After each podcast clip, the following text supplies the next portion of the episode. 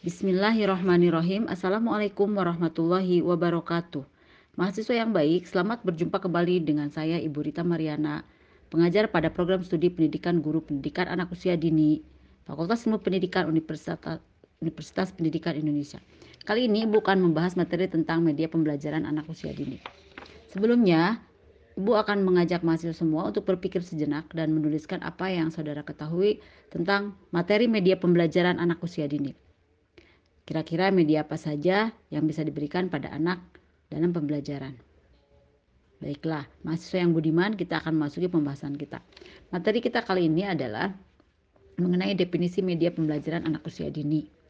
Media pembelajaran PAUD adalah semua hal yang dapat digunakan sebagai penyalur pesan dari pengirim ke penerima untuk perangsang pikiran, perasaan, perhatian, dan minat, serta perhatian anak sehingga proses belajar terjadi.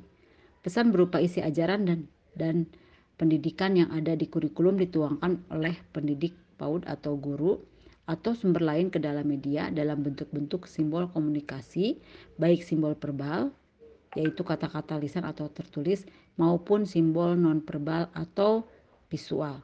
Selanjutnya, si penerima pesan bisa saja dalam hal ini adalah anak atau pendidik itu sendiri menafsirkan simbol-simbol komunikasi tersebut sehingga diperoleh pesan. Definisi pembelajaran sendiri adalah suatu kegiatan melaksanakan kurikulum atau lembaga pendidikan agar dapat mempengaruhi para siswa mencapai tujuan pendidikan yang telah ditetapkan. Peran media dalam pembelajaran khususnya pendidikan anak usia dini semakin penting mengingat perkembangan anak pada usia pada saat tersebut pada masa berpikir konkret.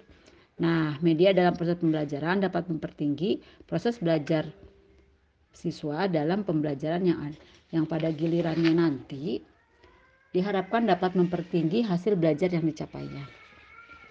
Keberhasilan suatu proses belajar mengajar salah satu penyebabnya adalah karena adanya penggunaan media atau perantara dalam proses belajar mengajar tersebut.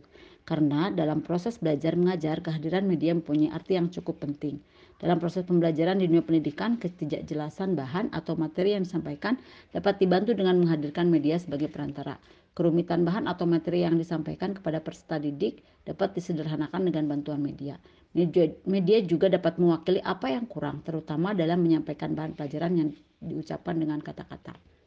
Nah, berbagai penelitian yang dilakukan terhadap penggunaan media dalam pembelajaran sampai pada kesimpulan bahwa proses belajar pada anak menunjukkan perbedaan yang signifikan antara pembelajaran tanpa media dengan pembelajaran menggunakan media.